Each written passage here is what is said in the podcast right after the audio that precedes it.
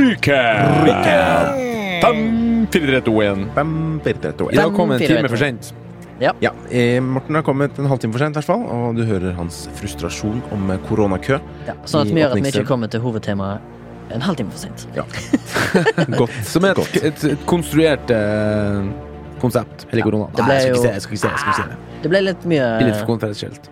Ja, det kom trengte i gang i dag, men det, det gikk fint. Lærerik episode, eh, ledet av Remi om symbolikk i film i dag. En av de bedre. Jeg koser meg gløgg. Jeg også. Jeg har ikke Jeg forberedt håper du òg gjør det, som hører på. Bam, bam, bam, bam. Kos dere. Megalithic structures. Megalithic structures. Megalithic structures.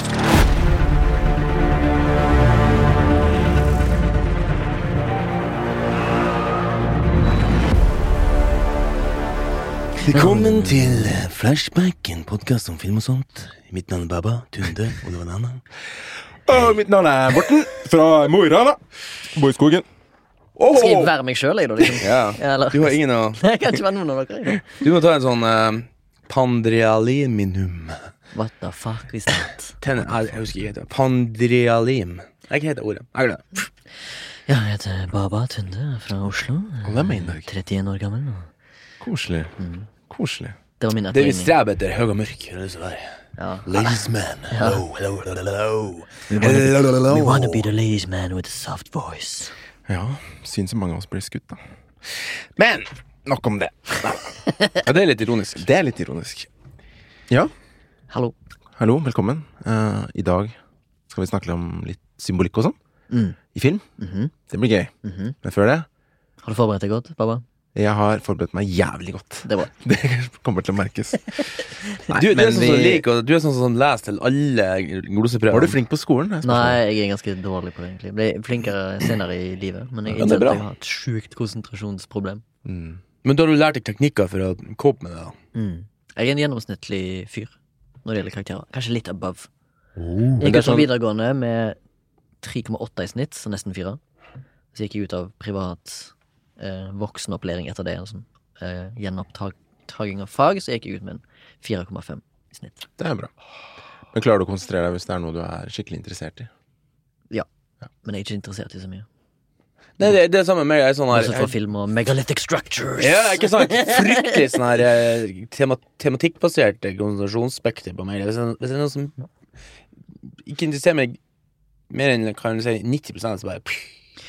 Men sånn som Nei, nå, da det var, det var dumt sagt. Men sånn som nå, da, eh, nå da, i forberedelse til denne episoden Der vi skal handle om symbolikk, så har jeg lest masse artikler og sånn Bare for å få litt innblikk i fagterminologi, da. Og litt sånn forskjellige typer symbolisme. Det synes jeg er interessant å lese om, Fordi at da kommer det opp eh, gode eksempler på filmer som bruker symbolikk. Og da blir det sånn påminnet om at oi, shit, den filmen har ikke jeg sett på lenge. Eller den filmen har ikke jeg sett. Og da kan jeg notere det ned på watchlisten. Mm. Det synes jeg er litt gøy. Ja, jeg eh, kommer til å vektlegge min eh, allerede obtain kunnskap eh, i forbindelse med at jeg jobba utelukket med symbolikk i eh, på, eh, på filmskolen. Ja. For det jeg interesserte meg før, og det jeg fant ut at det var det jeg skulle bli god på der. Eller bedre på, da. Så eh, det kommer jeg til å være Jeg har litt basis. Ja, og jeg har ikke forberedt meg, så jeg kommer til å legge vekt på um, det som skjer i nuet, egentlig. Du kommer til å legge vekt på stolen. Ja. Du kommer le Men, men før det så må du fortelle litt om eh, reisen hit i dag, da, for du var jo en halvtime forsinka rush. Ja, nå kjenner jeg at eh, etter en kjeft øl så begynner jeg å roe meg litt. Men det var sånn her Det er jo nå Nå Ja, men jeg har jobba så lenge. Jeg har jobba i snart fem år på Jar. Og liksom En av fordelene med å bo i sentrum, da mm. bortsett fra alt det fette dyret, og du har liten plass, og du må liksom gå og kløse folk på hælene Men forklare Jar, da, til noen fra Ja, jeg er liksom eh, no, norsk eh, filmvugge, da. Det er det filmstudio, eller Filmparken på Ja, den, som stammer fra den tida da det heter Norsk Filmproduksjon, som ble lagt der ute i 1938, tror jeg. 1939. Som tyskerne bygde ferdig og brukte til å lage nazipropaganda der ute. Siden den gangen har det jo vært laga alt mulig der ute, og Jakten på den nye stein og cowboyfilmer med Hollywood-skuespillere rett fra USA og gode greier. Faen, hva heter den? Nei. Norges lille Hollywood, da. Ja, det er det. Nå er det da en, et, et, s- prime real estate i, midt i et byggefelt. Boligfelt. Så det er litt sånn her eh, i Asker, ja. I Bærum, ja. ja. Ja, det heter vel kanskje Askene. Eh, så det er litt sånn eh, trangt å komme seg dit. Og litt sånn, det er mye sånn her stikkveier og sånn, og du får joss og boss. Eh, og så eh, har jeg nå uh, fått meg arbeidsbilder, så jeg driver og kjører utover der, for det er jo rett sted som jeg har med meg noe tusen og greier. Og ehm, s- og vanligvis, ikke sant, du kjører hjem derfra, da, for det er jo da jeg bruker å si? Jeg, tar, jeg bruker å starte ja, kvart på, ti over halv, og så er jeg der hel hvis vi begynner her. Liksom. Det litt sånn søv sånn sett. Men Fra eh, Oslo sentrum, ja. det kan ta en 17-18 minutter, Ja. vanligvis. Mm. Og nå er det altså korona! Full blown korona i byen. Ikke bare det, det er òg bare ett utløp i Vålerengatunnelen. I helt Ja, men hvorfor er det kø inne i sentrum? Jo, for den har, den har ringvirkninger over hele driten. Ah, Fordi at folk unngår vår, eh, E6 og E18, ja, ja. og så kjører de Ring 3. Ja, Men det er veldig lokalt, da. Hvor lenge skal det være holde på? Lenge i hele høst. ja, det er flere år, tror jeg. Jeg tror ikke de er ferdig for før i 2022, eller noe sånt. Helt sinnssykt. Så- Men i hvert fall så er det også korona, sant? så hver liten nisse med et sjøldreven kjøretøy Ja. er liksom ute der. Og det er fordi at alle bedrifter, statlige og private, har oppfordret alle sine ansatte til å ta bilen Ikke stedet sant. for å unngå smitte. Og det er liksom folk som skal i barnehage, på skole, sånn, for å kjøre att fram, bla, bla, bla. Så det er så mye trafikk, liksom. Så at eh, Merk meg nå, 17-18 minutter til, kanskje et kvarter hvis du gasser litt på. Hei, i dag brukte jeg over en time og 15 minutter. Oi. Og da kjørte jeg til og med noen sånne stikkveier for å unngå å ringe 3, for det vet jeg er døds nå. ikke sant? Og Vanligvis så er det ikke Altså, inn i byen har det aldri vært kø. Altså Vanligvis så kjører folk tilbake igjen til Drammen, som er vestover, eller tilbake igjen til Lillestrøm, som er liksom eh, nordøst. Så at liksom, eh, og det er liksom utfartsåra, men inn i sentrum, aldri kø! På fem år har jeg jobba ute der, og nå er det faen meg det, det er helt sånn her eh, Og det Det er, er sånn rart, da, for det er ikke så folk som går og, «Hør, se på meg, jeg går rett over inn», Ja, folk følger faktisk med. Hoppet en sånn elsparkesykkel inn, og så Hei, slutt å tulle! Begynner de å fløyte på meg. vet du. Jeg er bare sånn ni, ni, ni. Nå kommer bak og knøver den i spypose. Sa han. Jeg sa. Nei, jeg sa ikke men Og det var selvfølgelig rett utfor eh, Lofthus pizzeria. Så folk bare sånn Snur seg. Du på Han er så hissig. Så Ja, ja, ja! Slutt å glane, for helvete! Dere er hissige dere òg. Altså, plutselig folk skjønner seg ikke på så, Å, herregud, han er så hissig, mann der! Men alle har faen vært hissige en gang i tida. Kan ikke jeg få være hissig når jeg sitter? Kåk varmt! Og så kjøpte jeg selvfølgelig bil. Hadde dårlig hadde ja, sommer, så jeg må kjøre bil uten, uten matgir. Så sier sånn «Mm, mm, mm». Det går akkurat så sakte at jeg ikke kan ligge og runke den på første gir. ikke sant? Så jeg må ligge og med Nei, jeg- Det var en fin rant. Og så er det sånn her Så står klokka sånn tikkum, tikkum, tikkum. Klokka går, vet du. Bla, bla, bla, bla, bla. Så akkurat programmet på radioen som jeg syntes var noe gøy, var ferdig. Ja, jeg sånn, Nå er klokka Nå er det ett minutt jeg skal være nede i faen fucking studio. Jeg står Jeg kan spytte på blokka mi, og det så vet at det er faen steik med en halv time! Kjøring! Det er ikke kjøring. Sånn. Og, begyn- og da var det slik når folk flere på meg og sånn mm.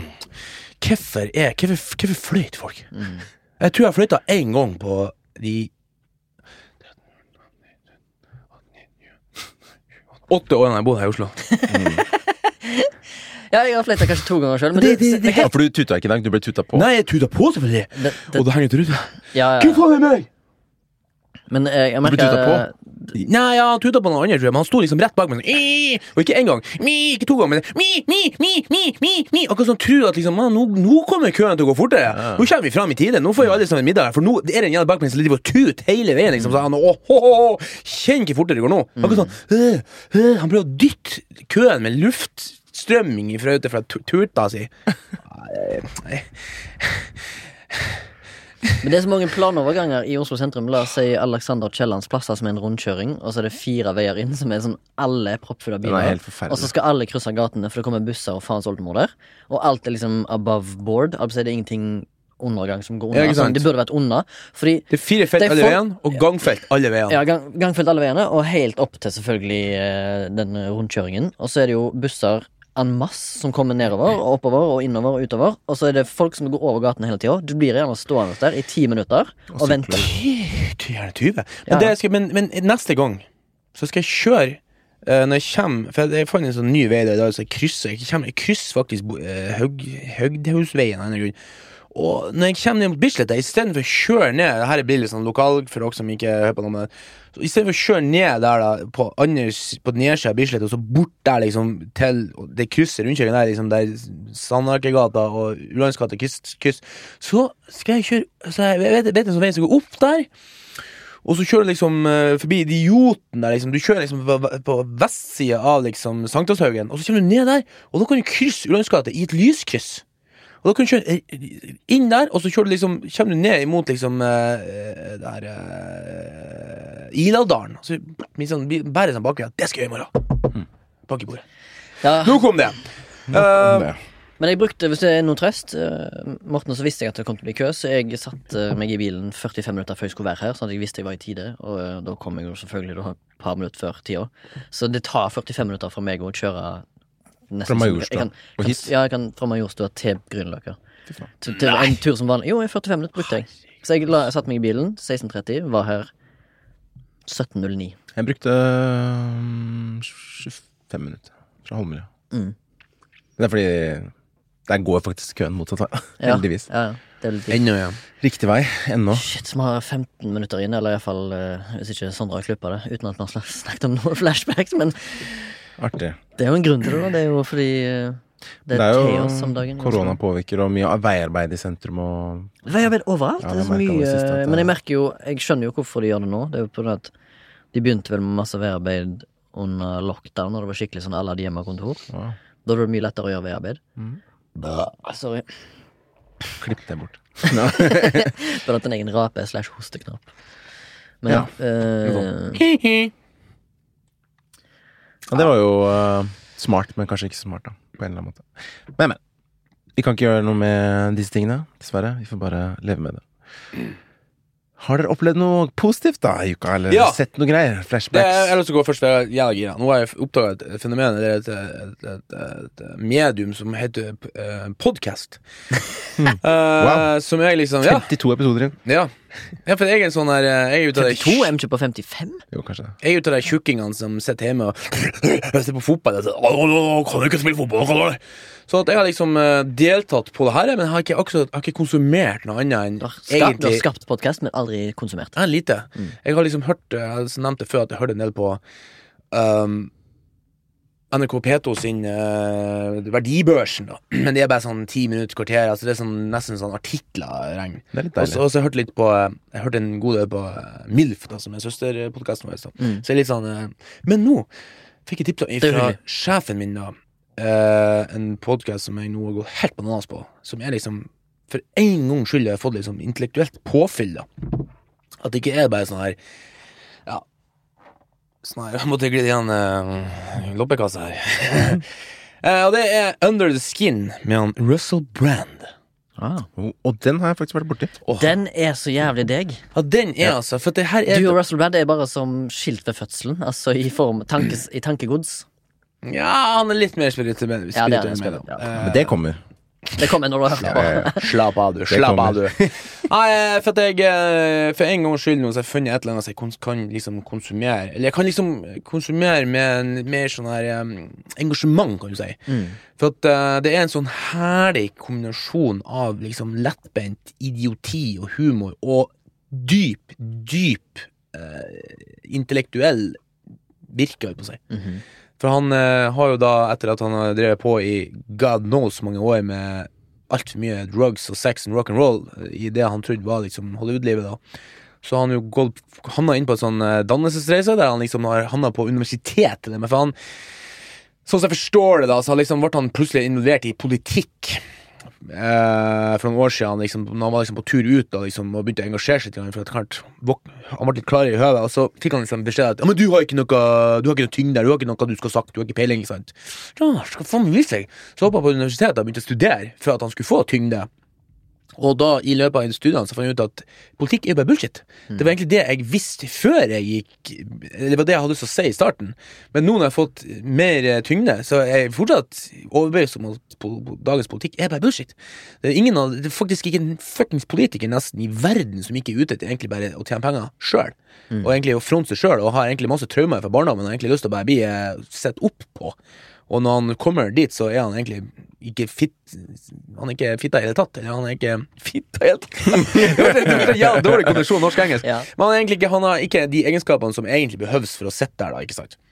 Så jeg er nå eh, tolv Men hvis det er én ting han har noe han skulle sagt i, så er Har det du begynt på episode én, eller? Ja. Sorry. Oi, såpass. ja. Jeg begynte på episode Eh, én, kommet til episode tolv. Han har i hvert fall mye erfaring med hvordan for eh, du skal håndtere rusavhengighet da, i Ja, ikke sant? politikken. Det, har- der har han masse tyngde. Og så er han jo ikke noe Så han er jo sånn rappkjeft og sånn, men det er jo ofte Altså, han er jo standup-komiker, er liksom, han er sikkert full av ADHD. Ja, og det er jo selvfølgelig trauma, da. Ja. trau- altså ADHD og Altså, Ja, for han har hatt masse sextraumer, har han ikke det? det er så langt jeg ikke komme på seg. Nei, at jeg jeg har sett noen dokumentarer og slash innslag med han. Jeg har fulgt med på podkasten hans før jeg går litt. Og dabba, dabba litt av etter å ha begynt med litt sånn svada-shit og sånn. Som ikke jeg syntes var noe særlig. Men vet, hvis jeg ikke husker helt feil, så har han vært involvert i noe, noen traumer og skandaler når det gjelder sex. Ikke sant? Mm. Og han, eh, det kommer jo også fram i forrige Mulig at han har selgt, solgt sex eller noe sånt. Kanskje sjøl. Tar helt feil, kanskje. Sikkert. Ja. Men det kommer jo han, han, Tord, han sjefen min han som tipsa om det, han sa at etter hvert så får du jo også litt mer innsikt i Han blir jo mer og mer sånn her For i starten er han også litt sånn vel flåsete. Han blir mer og mer sånn her For han ser jo sjøl at han inviterer jo de smarteste i verden for å bli smartere sjøl, eller for å lære av dem. For det er jo sånn han sier at skal du bli smart, så må du omgås smarte, og ikke dumme. For at det gjerne er en sånn merkelig, finurlig kopimaskin. Så hvis du er der med bare idioter, så blir du også idiot. For å ikke Ja. bruke et sånn kraftig uttrykk, da. Men jeg setter også pris på at han ehm, inviterer gjester som er over hele spekteret når det gjelder rent politisk. da Ja, ikke sant? For å liksom høste av deres uh, tanker. er Han er liksom ikke biased på ei side. Nei, og så er han ikke sånn at han liksom Det er en runkering. Han Nei. gir dem ofte Litt mye av- motstand. Ja, Men så det- får han motstand sjøl òg. Det er litt gøy. Ja, ikke sant? For han er jo veldig sånn at yeah, can, you- can we just fix everything by love? Ja, Han er veldig sånn holistisk og Ja, kjærlighetsbasert. sant? Ikke sant? Og så- men det var var gøy at de i, noen av de første episodene, blant de ti første, så er han sånn Det er en fyr som er inni der og sier sånn Yeah, we can fix everything we love. Og så sier han sånn What the fuck are you, a fucking poet? Og så, så er han liksom imot han, for han er liksom for mye love. Og så neste karen, da, som er liksom en ren pragmatiker, han eh, Harari. Han eh, Yuval Noah Harari, som er bare Åh, fy faen. jeg Er det han som har skrevet den fikk sånn boka? man Ja. crush på han. Han, Ja. han skrev Humani... Nei, um, Sapiens. Sapiens, ja. Jeg fikk sånn man-crush på han, for han, var, han, han, han sa nesten det samme som jeg tenkte, liksom. Og da ble han sånn What? Don't you have any love? Don't you have any room for love? Så sånn, I den ene episoden så er han liksom kritisk til en fyr som er for mye love, og i andre så er han kritisk til en som har for lite love. Så han er liksom på en måte hele tida djevelens advokat, og det syns jeg er litt kult, for da skaper han debatt. Ja. Så han er veldig sånn opptatt av skatt og datt, Så så er han veldig sånn kvikk på, på tråd, foten, og det kommer fra standup-karrieren, han selvfølgelig ikke er en dum mann, for du må jo være han må jo ha noe inni hodet for å være god standup-komiker. Han kan føle at jeg har mye Ofte standup-komikere er ganske intelligente, for de- du må liksom vite hva som klikker. Spesielt standup når du skal ta ting, dagsaktuelle syns saker på jeg synes med Dave Chappelle, da. Han er jo ekstremt intelligent. Ja, og han, eh, han briten, han, han andre karen, han eh, som vi var så Ricky Gervais. Ricky Gervais. Ja. Ja. dummere han, han Og så er det en annen eh, skikkelig sånn skikkelig, skikkelig intellektuell standup-komiker. Han heter Stuart Lee, som dere bør sjekke ut. Mm. Han er sånn s- intellektuell, liksom. Han er sånn Vitsene hans går liksom way above my head av og til fordi at det er så sykt snevert. Dag Sørås i vår sikkerhet. tror Ja. Dag Sørås òg. Han er jo høyt utdanna. Veldig smart gubbe.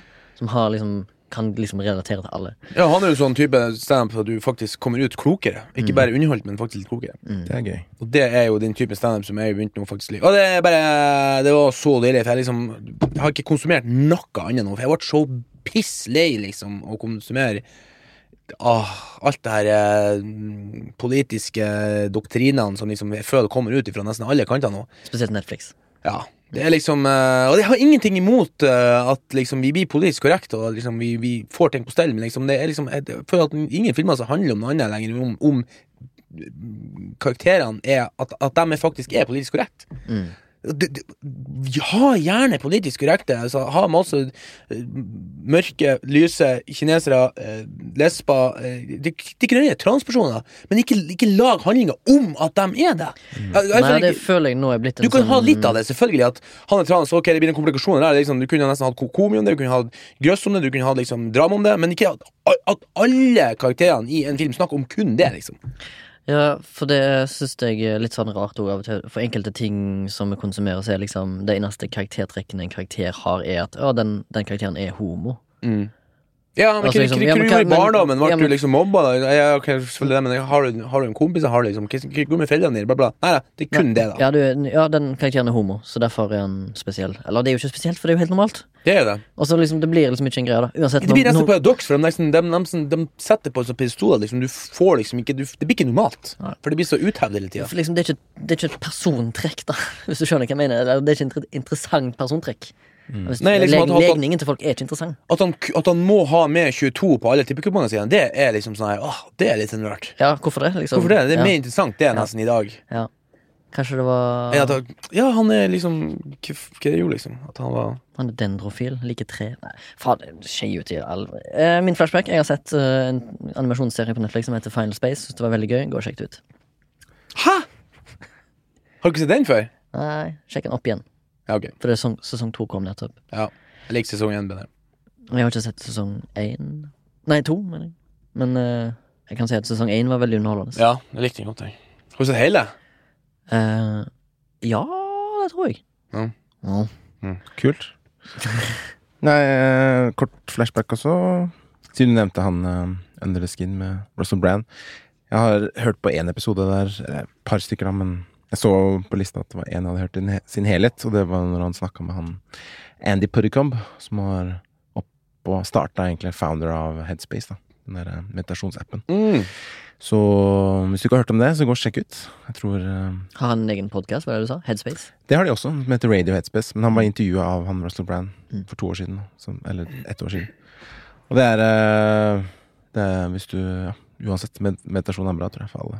Mm. Nøkkelen til alt. Jeg har tatt opp tråden igjen på det, faktisk, nå. Og det er Transcendental meditation, liksom? For ja, det her er veldig fall, eh. Det er, sånn, det er liksom meditasjon for, all, for alle, liksom. Det er guided Nybegynner, meditation. viderekommende. Ja. Og så er det flere forskjellige. Du kan velge tema, tematikk, og nå er det blitt ekstremt mye. Da, sånn running meditation, det er liksom music uh, meditation eller inspirasjon med John Legend, eller masse greier, da. Men du har liksom the basic også, Mm. som bare er guided meditation, som han sier. At du lytter til han som prater, da. Han har en veldig sånn behagelig stemme. Helt Mhm. sykt, liksom. Og så følge pusten, liksom. Som regel det du starter med, da. Qigong.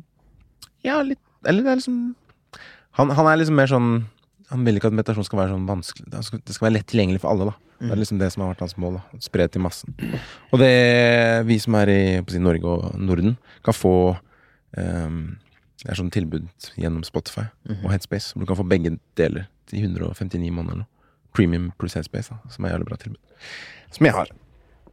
Please sponsor, Please sponsor oss. Det må du fortelle meg etterpå, faktisk. Ja. For jeg tenkte faktisk jeg skulle kjøpe det der i årsabonnementet på en tusenlapp på Ja, ja.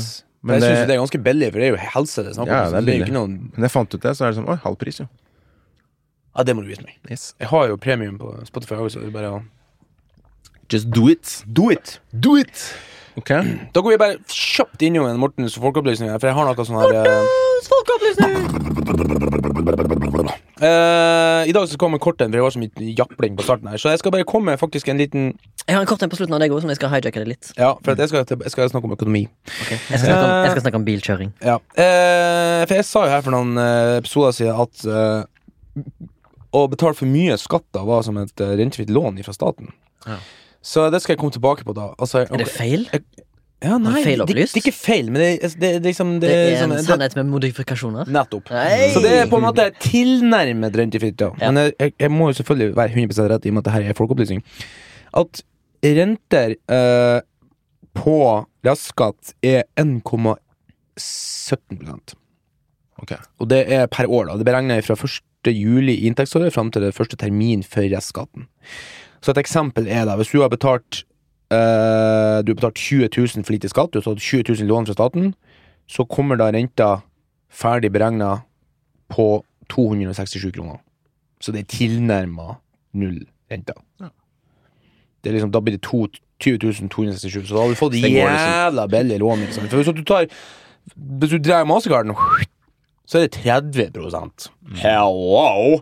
Så Det, det går fra juli til liksom desember, da. ja, det, går, det går til juli til når du skal begynne å betale den, da. Første termin. Og du får jo skatten for en vanlig person er i mai, ikke Jo, men ja, jeg fikk ikke nå i august.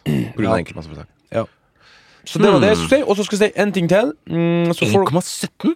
Da er det jo bare å ta 0 da, så Ja, men du, du må jo sette av det, så du har nok til å beregne det. Men det er mulig. Det er fullt mulig. Og da kan du sette pengene inn, som sagt, på fond, eksempel.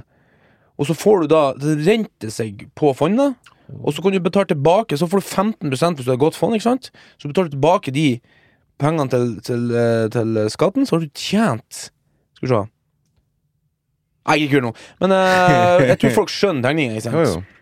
Morten, jeg kan spørre, er det mulig i Norge å ta at du tar 0% skatt, og så får du en baksmell på slutten, og så betaler du en sum? Er det mulig? Ja. ja. Er det lovlig? Ah, vent nå, jeg vet ikke om det er mulig, Dolly. Men eh, altså, du kan jo Du bare sier ja! Ja, ja, men, ja, men jeg, jeg sier det for det er liksom litt sånn her Jeg vet jo det at for eksempel folk som uh, driver enkeltmannsforetak, ikke sant De bruker ofte å ikke betale inn skatt sånn uh, kvartalsvis. Og så får de en kjempebaksmell ikke sant, når året kommer, for da kommer de plutselig faktura på 200 000. Så man Å, jeg har ikke det! Så liksom Det er liksom eh, det er fullt mulig å, eh, å drite seg ut på det. Men ikke sant, og derfor tenker jeg sånn, jeg kan gå inn og justere hvor mye jeg tjener. La oss si at jeg går inn på skattesiden og så skriver jeg hvor mye skal du tjene i år. 50 000 skriver jeg der. Du, du, du, du kan ikke nekte å skrive det. Nei, nei, det kan Jeg, du kan skrive 100 000, det er jo tilnærmet Hvis du tjener 500 000 i året og du skriver 100 000 der, så er jo tilnærmet null skatt. Du får jo kanskje 2 skatt. Kanskje du til og med får skattefrikort.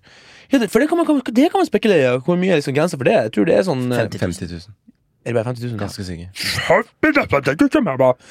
Ok, ok, ok, ok, ok, ok, ok Åh, herregud, heng meg opp her Jeg får ikke en oppheng i hjernen Jeg, jeg, jeg klarte faktisk på ekte ikke å tenke det Uh, Det jeg skulle si nå var det at uh, Nå har jeg hatt en sånn her uh, Høyrentekonto til noe sånn arv Som uh, madammen har fått, ikke sant grunn av at jeg fant ut at hun vil ikke sette på fond For at de kan miste liksom, det, Av en eller annen grunn så har liksom sånne penger liksom, Affeksjon for de, ikke sant Hvis du kan se det Og der var det jo i si tid var på komplett bank Der hadde de 3% rente Så var det en god høyrentekonto og nå fikk jeg en mail fra dem om at de har satt ned renta til 1,2 Mm. på høyrentekontoen.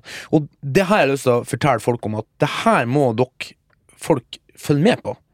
For det som folk ikke kommer på, er at Vet dere inflasjonsrenta for Norge var i 2019? Hva betyr inflasjonsrenta? Det betyr at hvor mange prosent håper jeg, eh, pengene, verdien av pengene går ned, på en måte. da På grunn av at når vi produserer mer og vi blir flere, så vil liksom pengene ha mindre verdi. For at vi produserer mer penger. Inflasjonen har et veldig godt eksempel i eksempel tyske mark under krigen. Der det kosta hundretusenvis av mark for å kjøpe et brød. Fordi verdien på den tyske marken var så liten. Blant annet. Ja, når jeg var i MILF, så snakka vi om eh, Så fortalte akkurat Hødberg krig og fred.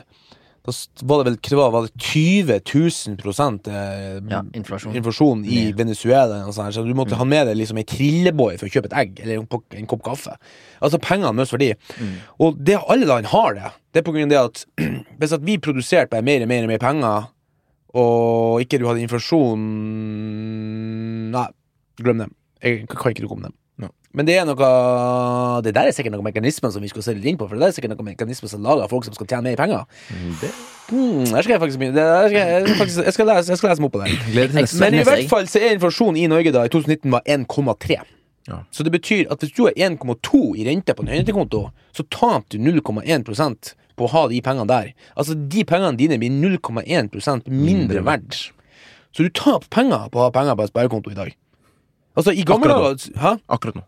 Akkurat nå får styringsrenta tatt ned. Jo, ja. Jo, men herregud, eh, rentekontoene på uh, i DNB har i mange, mange mange år vært under, eh, altså, under inflasjon. Det er lenge siden de tok det bort. Jeg har lyst til å legge pengene i fond, men det er sånn Legg det i et indeksform. Jo, jo. Det, det, det- altså, indeksform, altså, det kan jeg også bare si fort, da. Bare for, at hvis folk vil forskjell. Nå er det jo jævla mye å sette seg inn i, men basically hovedforskjellen på et aktivt og et indeksfond er et aktive fond. De er dyrere, men der sitter folk og spekulerer, så det har større sjanse for å få større avkastning. For at en ennå så på en litt sånn her mer safe. Et indeksfond det er en datamaskin altså, de vil regne og kalkulere på det. De er svinbillige, bare sånn 0, noen prosent og, i, av, du må betale for å ha dem. Men de er per definisjon i hermetegn eh, tryggere, da. For at datamaskinene gjør mer uh, sjeldne feil. Sånn at eh, Hvis du tar et indeksform, for eksempel uh, Storebrand All Markets Index, ikke sant? det er relativt safe. Du, Ja. det, det, det er selvfølgelig ikke 100 safe, men det er jo Nei, faen ikke en sparekonto heller. er safe. Hvis det, blir, korona, hvis det blir hyperinflasjon, ikke sant, så det blir sånn som Venezuela og i Hellas for noen år siden, nå, så mm, blir jo plutselig sparepengene dine borte. Mm. For de er jo bare tall. Det er sjukt. Og Ja, for jeg hadde, hadde et indeksfond, men så gikk det så bra på min egen spekulasjon, så jeg bare sånn ah, Fuck indeksfondet, fordi det gikk negativt. På, jeg var veldig eh, utålmodig, da. Så brr, gikk jeg alltid inn i, i min egen eh, si, kontroll, da. Og så eksploderte en sånn hydrogenstasjon, og så tapte jeg halvparten av investeringene. ja, stor Storebrand indeks og alle markeder så jeg har nå en, en av mine fond Jeg er 17 nå. Det er bra. Men har du sånn kontinuerlig overføring, eller? Ja. Ja. Jeg sparer på noen av dem, liksom. Jeg sparer noen tusen, 3-4-5000 i måneden liksom, på forskjellige fond. Og når jeg får noen ekstra, hvis jeg får selger noe, får litt fortjeneste, så Men vi som Fordi det er sånn at hvis um, For vi har ikke pensjon, sant? Det er sant. Men du kan ta ut uh, det du vil av indeksfond skattefritt. Det som ikke er avkastning, ikke sant? Nei. Jo, Nei. sikker? Ikke alt. Ikke alt. Nei, men det som ikke er avkastning. Prosent, altså positiv avkastning. Jeg får inne på min eh, Altså DNB har en sånn spareapp, Hvis det er og der står det hvor mye du kan ta ut enhver tid. Ok. Nå kan du ta ut x antall kroner, skattefritt, står det. Ja. Nei, for det er sånn jeg vet med aksjesparekonto, at liksom du kan Si du setter over 1000 kroner, da. Så kan du ta de 1000 ut igjen skattefritt, men hvis du har tjent 100 kroner, så kan du ikke ta 1001 skattefritt, men kun de 1000, da. Ja, det er ikke Skal ikke si for akkurat sikkert. hvor mange, men eh, Men dagens tema Interessant. Ja, endelig. Eh, dagens tema. Symbolikk i film Mm. og fiksjon. Det er det vi skal snakke om, er det ikke det? Jo. Boys. symbolikk i film og TV. Eh, jeg har jo gjort litt research og Ja. funnet ut at det fins fem typ, typer symbolikk som er brukt. Eh, vi kan begynne med én som sikkert alle vet hva er. Metafor. Det brukes jo at du bruker en sånn slags sammenligning til noe. Mm. For eksempel, Morten, du har sikkert et eksempel på en metafor. Uh... Ok, du har ikke det. Jeg kan si da en metafor som er som mange skjønner. Mm. The pen is mightier than the sword. Det er en metafor Ja. på at liksom pennen kan løse mer enn et sverd. Ja. Mm. Er ikke det et, eh, en metafor, iallfall i, i moderne samfunn? Ja, ja. Uh, Jeg du- på deg, Mr. Computer. Ja, ja. Eh, og så har du noe som heter en uh, simile, eller en simile. Simile. Ja, simile. Ja. Og det er da en eh, eh, Hva skal jeg kalle det? Det er en, eh, en Det er en sammenligning som er f- eh, forskjellen mellom metafor og simile er at en simile er liksom som en, eller lik som. Mens Ja. metafor er en ting. Så simile blir liksom litt lik til min eget begrep som er lagd for å forstå det, da, som en sånn relaterbar parallell. da Eksempel. Sånn som for eksempel at mobbing er nesten det samme som Mobbing av elever er på en måte nesten det samme som rasisme, kan du si. Ja. Ikke sant? Eller- I overført betydning, da. Eller eh, hvis vi skal ta det i en uh, direkte, nesten filmreferansebasert modus, da. Ja. La oss si at handlingen er at eh, eh, et kongedømme, eller en dronning, da, eh, driver et eh, land, og så, er, eh, og så kommer det en, en tåke innover landet hennes. Mm. Så det er tåka en simile på hennes downfall. ja, sånn, ja. At symbolikken er Altså, hun er som ei tåke på landet. Mm. Legger seg som en mørke hvis hun styrer med jernhånd, for eksempel. En diktatur. Det er litt mer én til én, på en måte. Ja, altså da liksom prøver, symbolikken blir brukt i at et fenomen skjer, og så er det som om det skal representere en slags ting. Mm. Og så har du det som heter allegori. En allegori er jo bare det at hele filmen, eller verket, som er basert på, er en eh, betegnelse på noe helt annet. Eh, to eksempler på det i rent film. Mother Mm. Ja. er jo en eh, bibelsk gjenfortelling av påvirkningen eh, Bibelens historie har hatt på mo moder jord, da. Mm. Film, altså Darren Aronofsky filmen Eh, Eller så har du Litt mer rele- relevant er jo faktisk den vi snakka om sist gang, Horse Girl. Ja, Som handler om Som tilsynelatende handler om aliens, men er om psykisk helse. ja for eksempel. Eller hvis du tolker den filmen som om den er faktisk en eh, alien abduction-film. da Det er alt etter som, hvem som ser den. Men en allegori for eksempel eh, hvis, eh, Jeg husker iallfall en av de første filmene slash bøkene jeg ble intro- introdusert til, som i all hovedsak er symbolsk meint. Da husker jeg at Nå skal vi tilbake til slutten av barneskolen, kanskje begynnelsen av ungdomsskolen, for han gamle Remi her. Det er en film som er basert på en bok av han eh, George Orwell, som heter Animal Farm.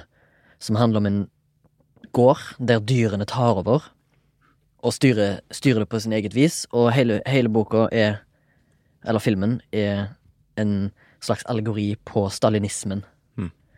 Og en kritikk til stalinismen fra et marxistisk perspektiv. Sånn som jeg har forstått det. Ikke at jeg husker det på den Og måten. Stormship Troopers òg. Starship Troopers, ja. Starship Troopers. Den er jo en allegori på høyreekstrem militarisme For fascisme. og fascisme. Eh, men den er quota, eller den er liksom dekt som en eh, Science liksom fiction science fiction action, Science fiction blockbuster. Ja, popkornfilm. Mm. Som liksom, virker som om den er skrevet av en elleveåring, men det alt er gjort med vilje. Mm. Og dømmer down, Mm. på grunn av at hele filmen er en allegorisk satire Mm. på et høyreekstremt eller fascistisk, militaristisk konsept. Mm. Og det er jo jævlig genialt, fordi den filmen ble jo regelrett slakta. Mm. av at det var så jævlig teit og overflad, De skjønte- overfladisk. De og de, skjønte faktisk ikke de skjønte ikke konseptet, og de hyrte til og med inn eh, litt sånn over gjennomsnitt alder på mennesker som skulle spille yngre versjoner av seg sjøl. Mm. De hyrte inn gjerne en 30-åringer som skulle spille 20-åringer. Fordi det var en greie i Hollywood i tillegg. Så de ville liksom ha en sånn der jockey, high school-aktig folk inn. Folk som var kjente for blant annet såpeoperaer eller teenage-filmer. Bare for at det å være en del av konseptet Starship Troopers. da Mm. At alt skulle liksom være Alt skulle være satirisk i alle ledd. Ja, for det var litt sånn at Og det ble oppdaga litt mye seinere. Det var vel Mener jeg leste en artikkel om Det var også for å vri det litt over på det at han var ment at det var dit Amerika var på tur, da. Mm. At liksom For å vise at det her var USA, og liksom Jeg mener at dere er på tur å bli fascister. Mm. Som vi de ennå er på tur å bli. Så en Ja. allegori er liksom Det er dette du får, men som betyr dette, da. Du viser liksom Ja, det er som. Aristoteles' allegory of the cave, som dere muligens har hørt om. Så er det jo det at du eh, Det er vel snakk om sånn der, det grunnprinsippet i eh, I eh, storytelling er jo det at eh, folk så skyggene sine på, veggene. ved, på veggen med bålet, for dette Mm. bevegde seg, og allerede der er liksom storytellingen i gang, da, for det var bevegelige bilder, liksom. Mm. Og da kunne de fortelle ting med at liksom, flammen gjorde at det så ut som bevegelse, så kunne de lage sine egne historier. Allegory of the cave. Ta, ta neste. Her var det det Eh. Det neste er noe som heter archetype, og det er ganske enkelt og greit. Det er bare det du ser, er nesten det du får. La oss si i en film som der du er for eksempel en cloven hoof, eller sånn ho hovbekledd skapning med horn, så er det mest sannsynligvis en representasjon av djevelen. Det er symbolikken der. En oh, ja. archetype. archetype. Eller en, en diktatur. En diktator, mener jeg. Det er jo en archetype. Det er jo liksom alltid Det er liksom personifisert Arketyper. med den arketype, ja. Perso eh, personifisert som en evil character. Men er det symbol... Ja, ok! En Nå, nå skjønner jeg ikke mer. Mm, En arketypisk Litt sånn karakter som er eh, gjerne Ja, nå, nå skjønner jeg. Det sånn Eh, som han eh, Han eh, Han svensken, han mesterregissøren Faen, jeg er så dårlig på navn, altså! Bergman. Bergman, ja. Mm. Når at eh, han ridderen spiller sjakk med djevelen, så ser jo Eller døden, da. Så Mm. er jo døden helt typisk sånn som du vil se han er. Han har liksom svart kappa med Ja. sigd. Ja. Og det var på grunn av at han ville ikke at det skulle være noe misforståelse om at det var døden. Derfor så kom døden inn som et symbol på Ja, døden. Sånn at liksom vi skulle Altså publikum skulle skjønne at ok, han spiller, eh, han spiller med livet her, liksom. Det er et spill om livet. Mm. Ja, nå skjønte jeg det. Dritbra. Her var drit her var artigste episoden nå. Kjør neste. Fort, fort. Her var gøy. Nei, jeg skal ikke si opp. Dere har gjort mer research, da, gutta boys. Nei, men er du- du lærer oss. ikke, for nå er vi på skolebenken. Ok, Vi har, jeg har har så mye å fylle inn at det er, kommer til å bli den to siste- timer. Den siste, den siste typen av symbolisme som eksisterer i fiksjon, det er myte, eller myth. Og det er rett og slett eh, basert på gresk mytologi. Et godt eksempel der er Ikarus. Don't fly, fly too close to the sun. Hva skjer da? Jo, du dør. Mm. Altså det er liksom Det er basically uh, Symbolikken er basert på myten, da. Mm. Uh, så uh, Sånn som Ikarus, en dokumentaren om doping i Russland, ikke sant? Ja, sant? Don't, don't fly too close. Too close? Ja. Døde dem. Men liksom, poenget her da er at uh, mye av dagens 21st century eh, fiksjon Mm. er allerede basert på en 2000 år gammel historie. Ikke sant? Fra en myte. Ja, det er jo ofte det her Det er jo også det er jo den, den gode gamle at det er bare fem historier. Det er man versus man, man versus self og man versus nature. ikke sant? Ja. Og man versus god. Ja, nettopp. Så da har vi iallfall etablert de eh, fem typene uh, symbolisme som Iallfall i den artikkelen jeg har lest, eh, jeg har uh, klart å, prøvd å forklare meg, og da har jeg lært noe sjøl. men poenget er at jeg visste for eksempel ikke at metafor og simile var to forskjellige ting. Da har jeg lært det. At metaforen er liksom den, den det faktiske tingen, mens similen er liksom som om, som as, eller like. Ja, men det her er jævlig interessant, for det her syns jeg vi skal legge på våre Når vi har det her analysene av film. For at, eh, Oftest er det jo jeg som sitter og spekulerer på akkurat de der tingene der. For det, det, det, jeg liker å interessere meg for i kunst og kultur, er det der Ja. tolkning. Jeg liker å tolke. Altså, all kunst jeg ser, på en måte har jeg funnet ut nå i ettertid, når jeg har lært meg sjøl å kjenne at jeg, jeg tolker alt. Jeg prøver også, også prøver også bevisst å finne ut hva det er, hva er det jeg tolker ut av det her. For jeg føler det at du kan nesten ikke si noe i klartekst. Nei. Du har bestandig en baktanke når du skal lage fiksjon. Når du skal lage noe som ikke har eksistert før, så tar du jo ting du har bak i, bak i, bak i huet. Det er det som er litt sånn spesielt med oss mennesker, at vi har liksom kreativitet og fantasi. Da. Det er liksom, Visstnok da er vi det eneste rasen som har det. Det har vi jo ikke koll på, da. Men vi kan ta en ting der, en ting der, klasje det opp, og så lager vi noe nytt. Men det som er interessant, er at du kan, hvis du er god nok, så kan du faen meg analysere det fram til hva de to tingene var, på en måte. Som han eh, forfatteren eller regissøren eller maleren eller kunstneren eller poeten tenkte på. For at du på en måte føler det.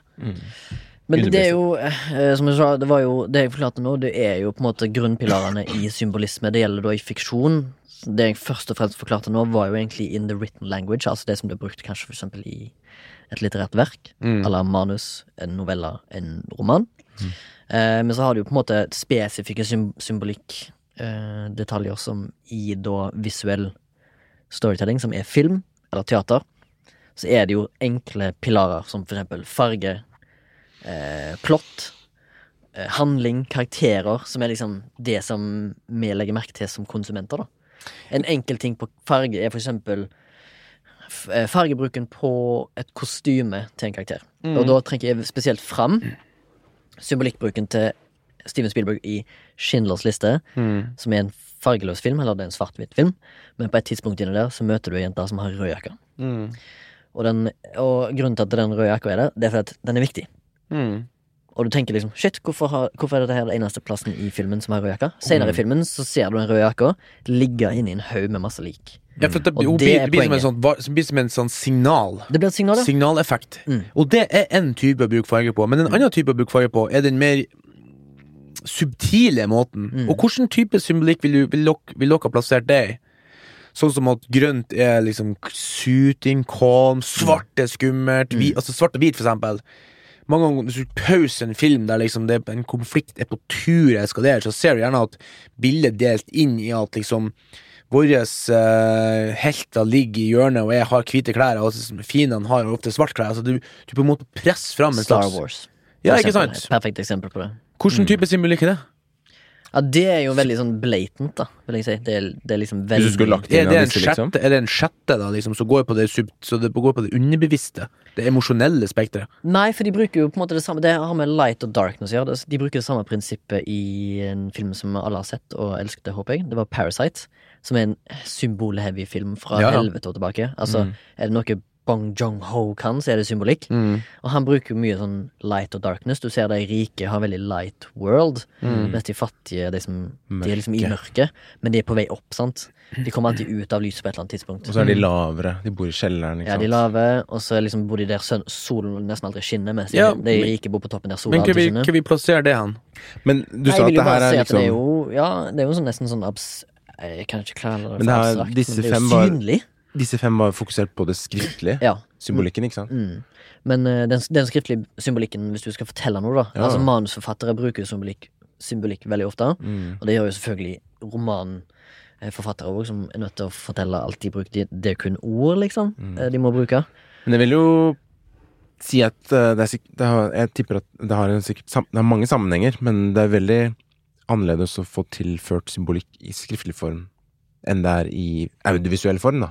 Ja, absolutt. for seeren, liksom. Ja, men uansett hvordan du vrir og vender på det, bare, bare er symbolikk i fiksjonelle verk, om det så skriftlig Ja, eller ja, ja. visuelt, er en av de viktigste elementene i en film slash bok, da, vil jeg si. Ja, ja. Fordi det finnes jo for eksempel enkelte eh, eh, Hva skal jeg si eff eff Effekter eh, av symbolikk er jo for eksempel som skal dekke over et kontroversielt tema, for eksempel. Som har vært innom på Starship Troopers, som egentlig er en film som handler Ja, om ekstremisme, men blir eh, solgt som en action. Ja. Eller for eksempel, så, som jeg var inne på, Animal Farm er liksom en film som handler om dyr som gjør opprør og begynner å styre sjøl en gård, og på et ganske sånn stalinistisk nivå, da. Mm. Og hvis, for folk som ikke er for eksempel verd, altså vant med liksom eh, Hva skal jeg si, som ikke vet at eh, eh, For eksempel enkelte politiske retninger sånn som det, de vil jo bare se på filmen som det den er, Mm. men, og kanskje ikke helt vite at dette her er da et symbol på eh, stalinisme og fascisme, for så, for så vidt. Eller Det blir jo litt sånn som med Parasite, at det handler om liksom kaste systemer og Mm. urettferdighet og forskjeller, da. At uh, Det tror jeg er ja, en men måte den var litt sånn Jeg føler at den var mer on the nose. Jeg tror ikke jo. det var så mye Det var ikke så mye skjult symbolikk der, men der følte jeg at han brukte den, den subtile Den subtile måten å fortelle på, så du kan gjøre visuelt, da. Så du ikke, så du ikke kan gjøre så effektivt Skal ikke jeg si 100 da, men eh, tekstuelt, da. Sånn at eh, base, Altså visuelt Faktisk, praktisk, så bor fattige folk under jorda, liksom. De, det er jo som rotter. Ja. Altså, de er jo sånn Og det er litt sånn, sånn nesten når liksom, det blir overforsvømmelse her, så rømmer de liksom Leiligheta di så- som rotten rømmer Ja. fra et, et sink, synkende skip. Det er jo faktisk en, Ja. en, meta, en metafor, metafor, som heter ja. Like rats from a sinking ship. Ikke sant? Mens uh, for eksempel symbolikken i Starship Troopers er mer skjult. Så det er en annen type symbolikk. føler jeg. Og den symbolikken i Parasite føler jeg meg er sånn designa og veldig effektiv da, for å gi deg som publikum en følelse. Jo, du men- vet men- ikke hvorfor, du kjenner at du blir kvalm av liksom, den forskjellen. Uten at, de, uten at de trenger å nevne det, så føler du at det er en forskjell mellom rik og fattig. Men tror du ikke Ja, men det er veldig godt fortalt at plottet overveier symbolikken, men symbolikken supplementerer plottet. Ikke sant? Og det, jeg det, det er det som er, liksom, gjør Parasite til en god film. Mm. Det er fordi at plottet kommer først, men symbolikken liksom er det som er viktigste. Skjønner du? Ja, ja. For det er det han vil fortelle. Symbolikken skal jo framheve temaet, Ja. og, men plottet er jo bare for å få en handling, et narrativ.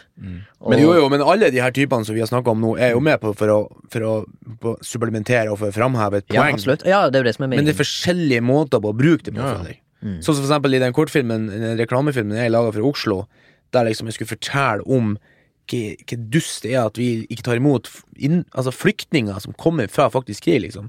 Så visste det i form av Vi har snakka om det før, da, men bare sånn kort forklart at hvis jeg eh, elever som ble så mobba at de måtte rømme fra den skolen til neste skole, og så ble de tatt imot der av mobbere, og behandla som om at de var problemet, liksom. Og det, det blir på en måte overført betydning. Jeg vet ikke, Det må bli den der eh, Den simile, som du kaller det. Ja, fordi du som på en måte kreativt uh, menneske og kunstner, da. Du vil jo på en måte fortelle en ting som du syns er urettferdig. Eller opplyse i den uh, Oslo-reklamefilmen. Og så føler du at du skal, jeg må- hvordan skal jeg pakke det inn? Ja, sånn at du, jeg tror faktisk vi tenkte at for å komme litt under radaren til folk, liksom. Ja. For at de har fått så mye informasjon om liksom at Og etter en stund da i mediebildet, så vil det liksom på en måte da bli litt sånn her heter Normalisert. Litt sånn sosialt, litt sånn emosjonelt avstumpa til at du ser lik av treåringer på stranda. Sant? At du bare kobler ut. Og plutselig kommer det her, da. Under radaren, liksom, på en måte Etter du har sett det, så skjønner du det.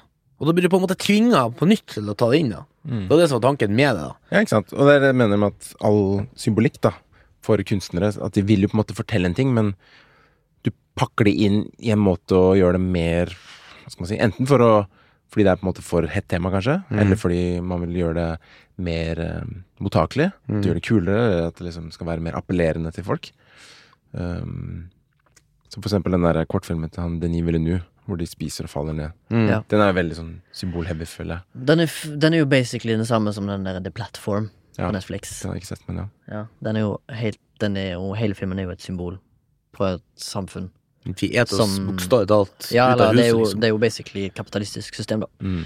Eh, den er jo Den vil jeg jo anbefale til folk å sjekke ut, fordi den er jo Selvfølgelig en veldig sånn litt sånn handholding, den filmen, Platform. Jeg tipper liksom Denis Villeneuve sin film og prøver å representere noe som er veldig tydelig, da. Symbolikken er veldig tydelig, Mm. men samtidig så er det bra en, et bra stykke håndverk. Ja, det er jo akkurat den Hele den gimmicken der passer jo best før deg. Altså, det ble vanskelig å lage en langfilm av det. Men det Ja, det men da må du ha et troverdig og fint narrativ, da. Som Jo, jo. må ha likeable characters, og du må ha, liksom, du må ha Ja. development. Da må du ha mer. Men det er jo litt av det her som gjør film og kunst og gøy, da. At man liksom har mulighet til å Mm. Det føle og sense og Det prøve å kjenne etter. Hva ja. er det som egentlig fortelles her? Det er jo det symbolikk er, for eksempel. Katalysator for å fremme emotions, Mm. på en måte. Og det er derfor jeg ikke liker det her Marvel-bølgen, for at jeg har sett Men veldig symbolrike filmer. 60-70 av det. Jeg har ikke klart å finne noe spesielt symbolikk i det. Nei, men det Som er veldig ikke er sånn at Å, å vi må være alle sammen må være snille. Det syns ikke jeg blir et symbol. Som Nei, nei, det er veldig enkle grep, da. Blant annet er jo symbolikk i Der er det jo veldig mye symbolikk i kostymefarger, sant. ja. Og så er det ikke Det er jo veldig helte Det heter jo superhelter, da, men det er veldig sånn helteprega. Ja. Ja, man kaller det da sånn Der er jo symbolikken i karakterene, menneske, Skal redde menneskeheten. Alle sammen. Mm, du er jo litt inne på det der.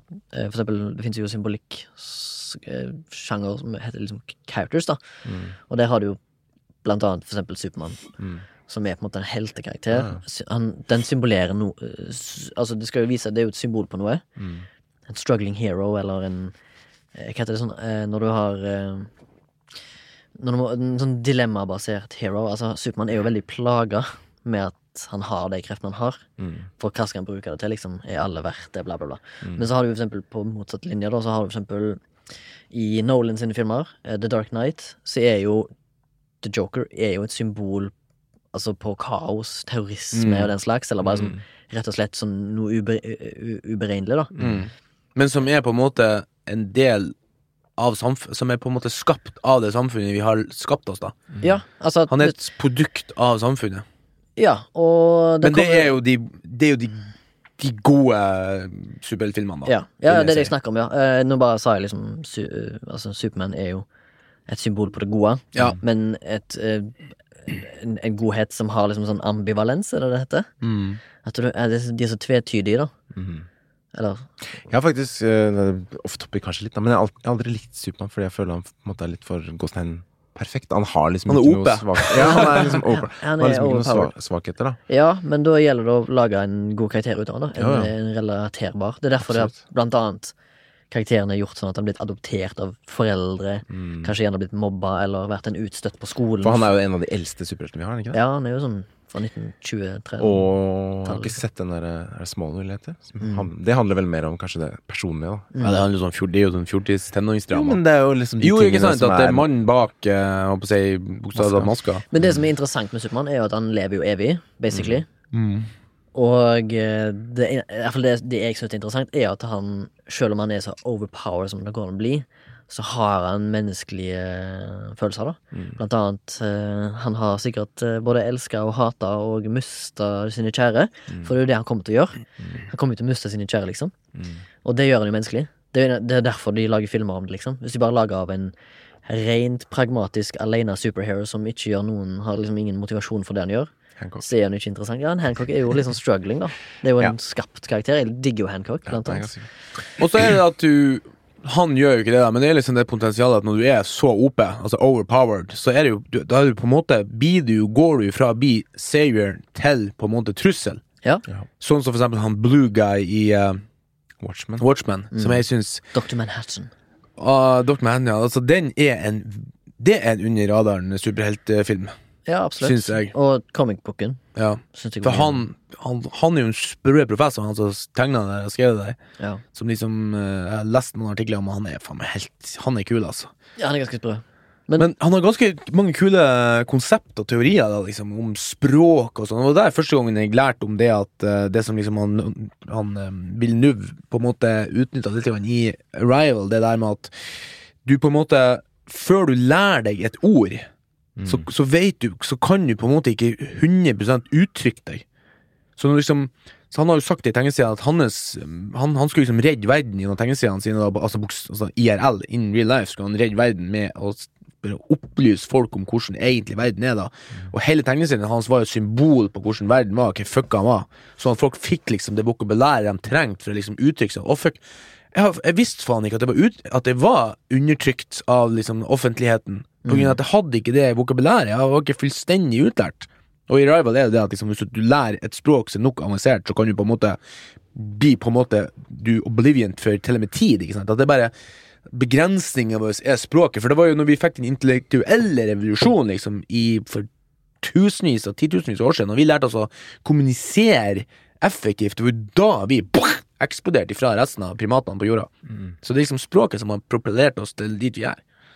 At vi kunne kommunisere og samarbeide, liksom, nesten som en maurtue, men med en pendix. Nå kommer internett og ødelegger alt, nesten. Men nå blir vi bare dummere, dummere, dummere. Mm. Nå kommuniserer vi mindre og liksom Men det er jo en, en annen podkast. Men så kan du også bruke eh, som interessant, da, for du kan bruke også symbolikk Jeg elsker jo symbolikk i eh, film og TV. Jeg sitter jo og leter det. Vi studerte jo som sagt masse før vi, vi skrev bacheloren, eh, jeg og du, Baba. Vi så jo blant annet Shutter Island så vi tusen ganger, og vi så Enemy til han Villeneuve, og eh, Forklar litt om den. så, du mener at den er, den er veldig symbolheavy. Det er den jo, men det er veldig synlig symbolisme, fordi at det er edderkopper som går igjen hele tida. Men det er jo representerer Ja, men det er, ikke, jo det er noe. ikke bare det, da, men at han ser seg sjøl, på en måte. Og det er jo også en film om psykisk helse. Det er jo en, det er jo en tematikk som jeg på en måte skrenser innom. Og det er, jo ofte, det er jo ofte det som er tematikken. Sånn som for eksempel også The Shining.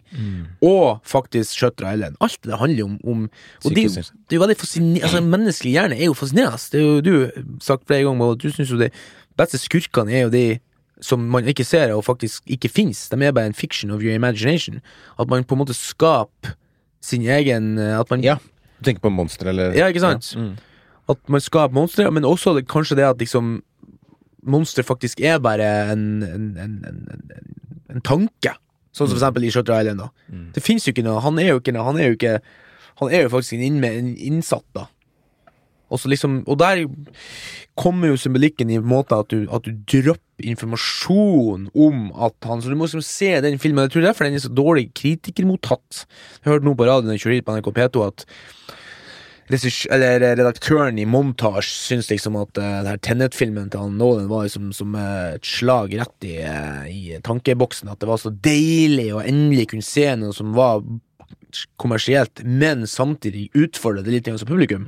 Mens at VGs anmelder har gitt den to eller tre, da, for jeg sa det var en slitsom, forvirrende film, liksom. Som liksom er Sånn som for eksempel Shutter Island har jo veldig, veldig dårlig score Av av kritikere. kritikere, men veldig høy score av publikum. For det er en typisk sånn film du må se i hvert fall tre ganger for å få med deg alle subtile greier.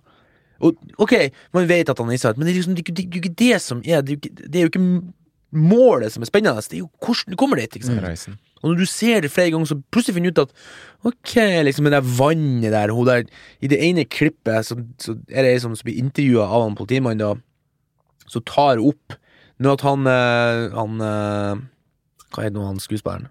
Leonardo DiCaprio. Leonardo DiCaprio, som er da den syke da i filmen, han tror han er en etterforsker. Når han er med i bildet, og hun er der, så ser du et sånt At hun tar opp et glass. Men når hun bare er alene i bildet, så, så, så, er glasset borte. Men hun gjør den bevegelsen likevel. Så på en måte viser det at i, i hans univers så er på en måte det her virkelighet.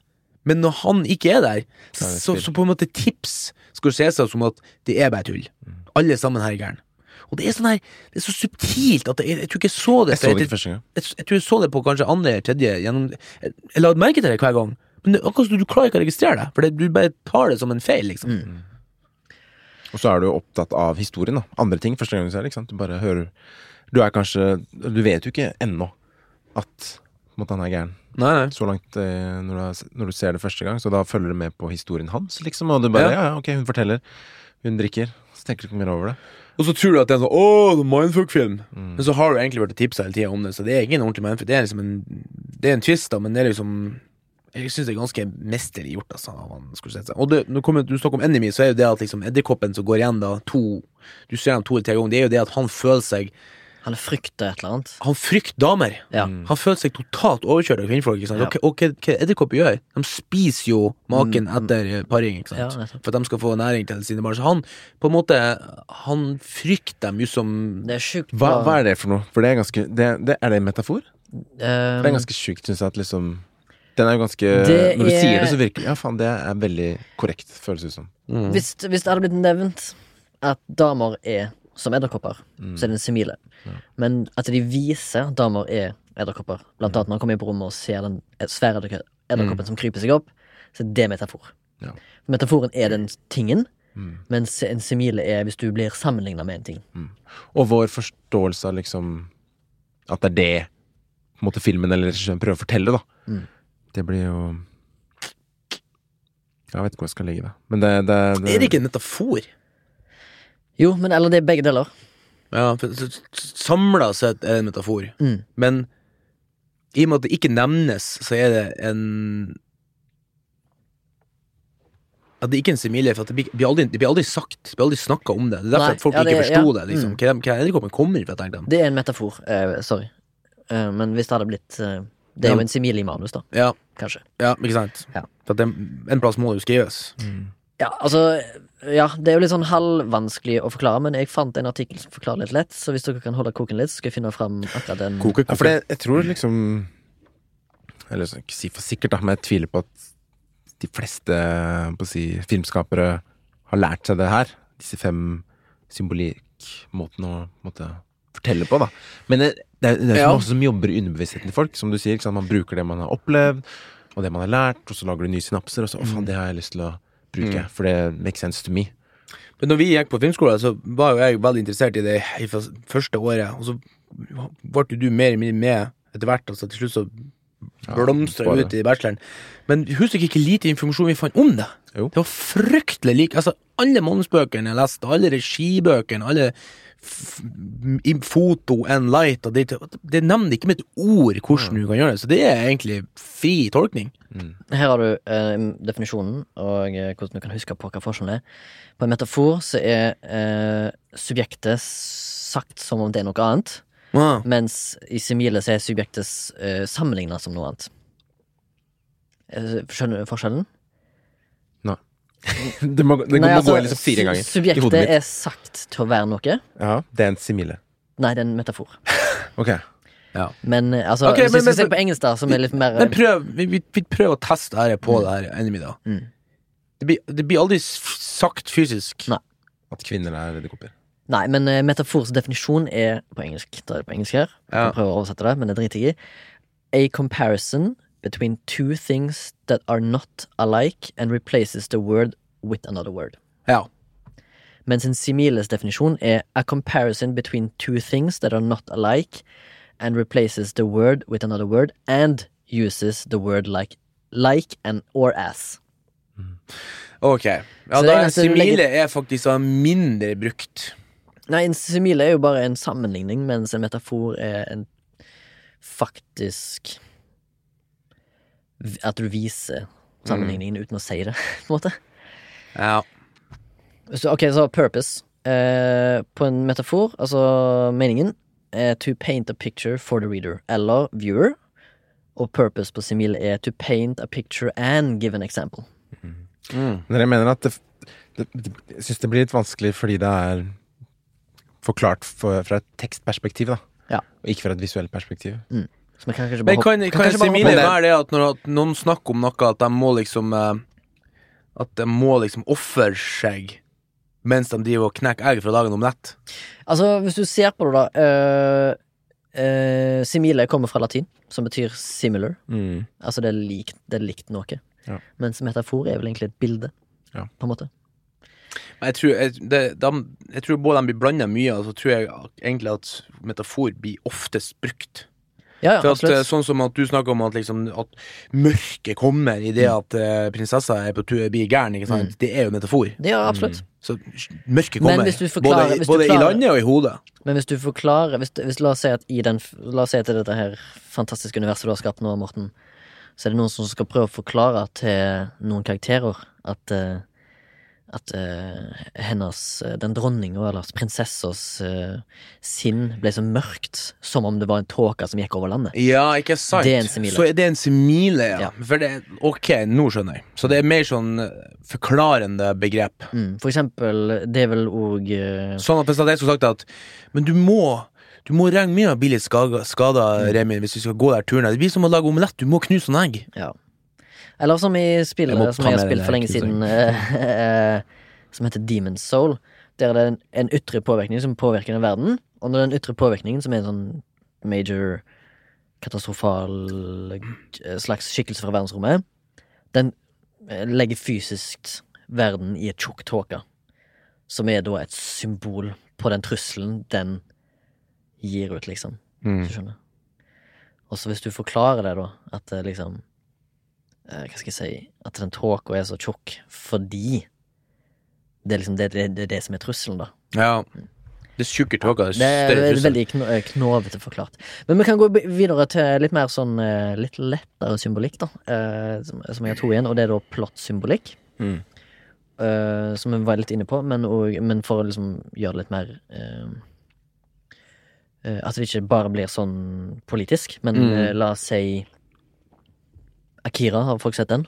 Ja. Eller, eller, eller vent litt, vi kan ta lettere. Den uh, Dr. Strangelove. Mm. Der er jo plottet atombombeutslipp. Mm. Så plottet i seg sjøl er et symbolikk på hvilken type Altså, symbolikken der er jo at den bomba er jo så katastrofal at den kan ødelegge hele verden. Som da er på en måte et symbolikk på hva mennesker er i stand til å gjøre. Mm. Hvor powerful vi egentlig er. Og hvor barnslig dialogen er i det rommet, liksom. Ja, og hvor fort vi kan ødelegge oss sjøl. Mm. Det, det, det er jo et sånn klassisk plott-symbolikk, da. Uh, og så har du noe som heter objekt. Objekt er jo enkelt. Uh, en av de mest klassiske objektene og den mest memorable symbolikken i hele filmuniverset er jo Rosebud, Citizen, Citizen Kane. Den sleden hans. Den symboliserer jo noe. Den symboliserer hans uskyld og hans eh, realisme. Eller idealisme, egentlig. Eh, til han eh, hovedkarakteren som jeg ikke husker hva heter nå. Mm. I, dere har sett han? Citizen Kane? Nei, den Nei, det, eh, det er iallfall eh, Rosebud, da. Det er jo en Mm. slede han har. Jeg har hørt. Eh, den er liksom i begynnelsen av filmen før han liksom han, Filmen begynner jo med at han dør. Eh, og så sier han ordet Rosebud, og så vet vi ikke hva det er. Men Og så vises han på slutten, og sånn. Og så er det en slede han hadde da han var liten. Og eh, den sleden har liksom betydd mye for han hele livet hans. Han er blitt gammel og grå, og en av verdens mest mektigste mennesker, og mest korrupte, mest grådigste menneskene det, det han har blitt. Men når han innser at han er i ferd med å dø, så lengter han tilbake til sin tid som uskyldig Det som egentlig har noe å si i livet. Ja, det som har noe å si i livet. Og det med at liksom den uh, rosebuden brenner, tror jeg det er, noe sånt som det, for at eh, et eller annet skjer, det er jo et symbol på at da går jo han personen over til eh, grådighet, power, maktsjukhet, alt det greiene der. Og i Er ikke det også det i starten på uh, The Shining? Så Hva er er objektet der, da? Ja, det er det at uh, i boka, som er skrevet av forfatteren som ikke husker nå, Stephen King? Stephen King, ja, der kjører jo ei folkevogn opp på fjellet, og den er gul. Eller, nå skal jeg ikke ta meg på fargene, men jeg bare, jeg bare sier som eksempel at den er gul. Og åpningsbildet da, så ser vi røde rød folkevogn som kommer. I filmen? Ja. Mm. Og så opp i gata da, så kjører de forbi ei gul folkevogn som krasjer Ja. og ligger i grøfta, liksom. Ja, Det Så det var på en måte symbolisert Symbolikken hans er det at det her er ikke Stephen Kings historie. Det her, nå, nå er det her min historie. Ja. Folkevognen er blitt rød. Så allerede der liksom setter han en Og han vil jo jeg si er symbolikkens eh, en av sy- en av symboli- symboli- symbolikkens mestere. Sti- eh, Og for å ta en mer recent da, en film som alle har snakket om det siste året, Parasite. Mm. I begynnelsen der så får jo han eh, sønnen i huset Han får jo en stein. ja. Og den steinen betyr jo at du skal, nå skal du vokse, og den, Mm. den er, representerer materialistisk eh, gain, da. Mm. Og hva som skjer med den? Jo, den, blir, den kommer igjen og, og, og dukker stadig opp i filmen. Til slutt så blir den lagt tilbake til der den kom fra. Mm. Som du, du har på en måte karakterene vært gjennom en reise, så den, det objektet har vært gjennom hele historien, og kurven til hans sønn. Så han har vært liksom både gjort dumme ting og gode ting, han har fått den, han har fått liksom kick i gang plottet, ja. når han får den. Fordi han får den av en college-student, altså det Men, som eh, han ønsker å bli. Det blir ikke det, blir ikke det også da Ja, det, det er jo en symbolikk, da, men det er jo også en plot device. Som på en måte kicker i gang, Ja. som er på en måte alternativet til den er en, en- pivotal character, føler jeg. Men du kan jo fylle en sånn plot device med selvfølgelig symbolikk.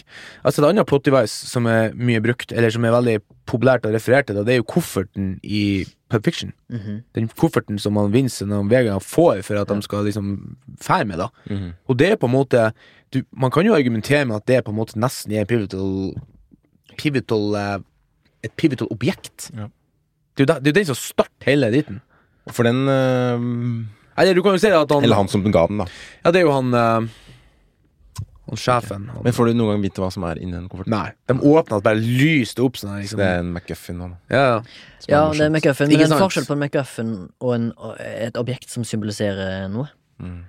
Fordi eh, den steinen, som kalles for en scholar stone i Parasite, er jo bare et symbol på wealth. Mm. Eh, og det er jo det på en måte han, han får den av en, Wealthy en wealthy figure, som er mm. han der college-studenten som har stor suksess. Mm. Som er liksom kompisen til han sønnen. Ja. Og den har Og da er jo da er jo kofferten med en McGruffin mer, ass. Ja, den er bare en McRuffin. Stein har jo også en reise med at den, Ja. han tar den med seg overalt. Og den, drukner den er vel med å drepe noen nå, ja, gjør den ja, ikke det? Slår i hjel Slår jo i hele han fyren, ja. Oh, rich Og så ender kills og så- poor. Ja, Ja. Ja, ikke sant? Og så er ender han jo opp i elva, i steinen der, og da forsvinner han, går han tilbake til jorda. Jeg trekker tilbake. Men uh, det her var lærerikt. Deilig. Og det her syns jeg vi må Vi må ta en liten sånn For jeg bruker jo å presse inn det i alle t Shooting for the moon, holdt på å si, og det der eh, Cast away from the moon. og Jeg, jeg, jeg, prøvd, jeg har jo prøvd å analysere alle filmene med sånn symbolikk uten at jeg hadde det her i verktøykofferten. Jeg vet ikke hvorfor, men eh, så hadde de interessert meg for det, så hadde jeg liksom ikke studert det så mye.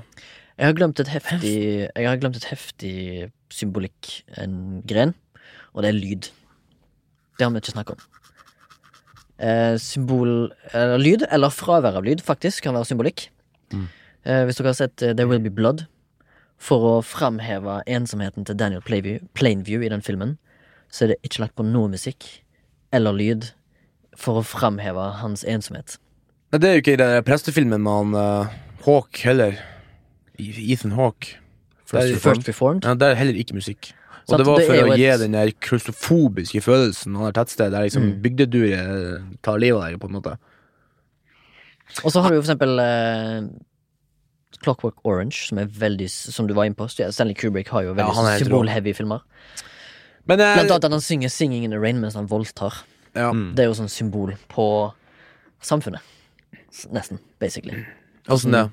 Ja, Hvis du ser på det, han voldtar og raner dama mens han synger 'Singing in the Rain', en sang som er liksom Jovial. jovial, eh, happy, jolly, Ja. mens han Det er jo et basically syn på oppression, da, Ja. av rike makter. Mm. av liksom den høyere eliten. Eliten som pisser på de lavere arbeiderne. Hva han var for noe, han som sang den synginga? Var han bedre? Var han hus... Nei, han som sang den. Ja. Hovedpersonen. Det er det hovedpersonen som gjør det. Nei, i den originale filmen. Synger, Singer. Ja, det er vel Gene Kelly som synger Ja, men hva han var for noe? Var han? Var han... Jeg husker ikke. Kanskje han, Hvis han var bedre, så var det enda bedre. Ja. Ja, men jeg, jeg, måtte, jeg, bare, altså, jeg har studert symbolikk mye, men jeg har ikke bare funnet begrepene. Men eh, altså, når vi laga den bæsjen, så leste vi og googla og styra om syl- Og der oppdager vi noe også, at symbolikk også er kulturelt. Mm. Og Ja. geografisk avhengig. Ja.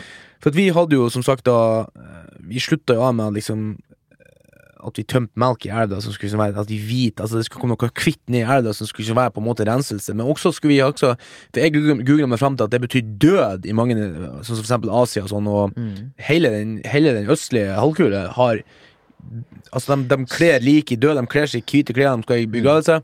Men det var ikke Så hadde vi en sånn, heldigvis, da, som vi tok på den, tok vi en sånn her S, en sånn her Når du sender det til flere, så skal de fylle ut sånn skjema. Kontrakt? Nei, de, de så det, og så skulle de liksom svare på spørsmål. Ja, En sånn sånn- questionnaire, liksom. Quiz, ja. Q&A etterpå, etter filmen.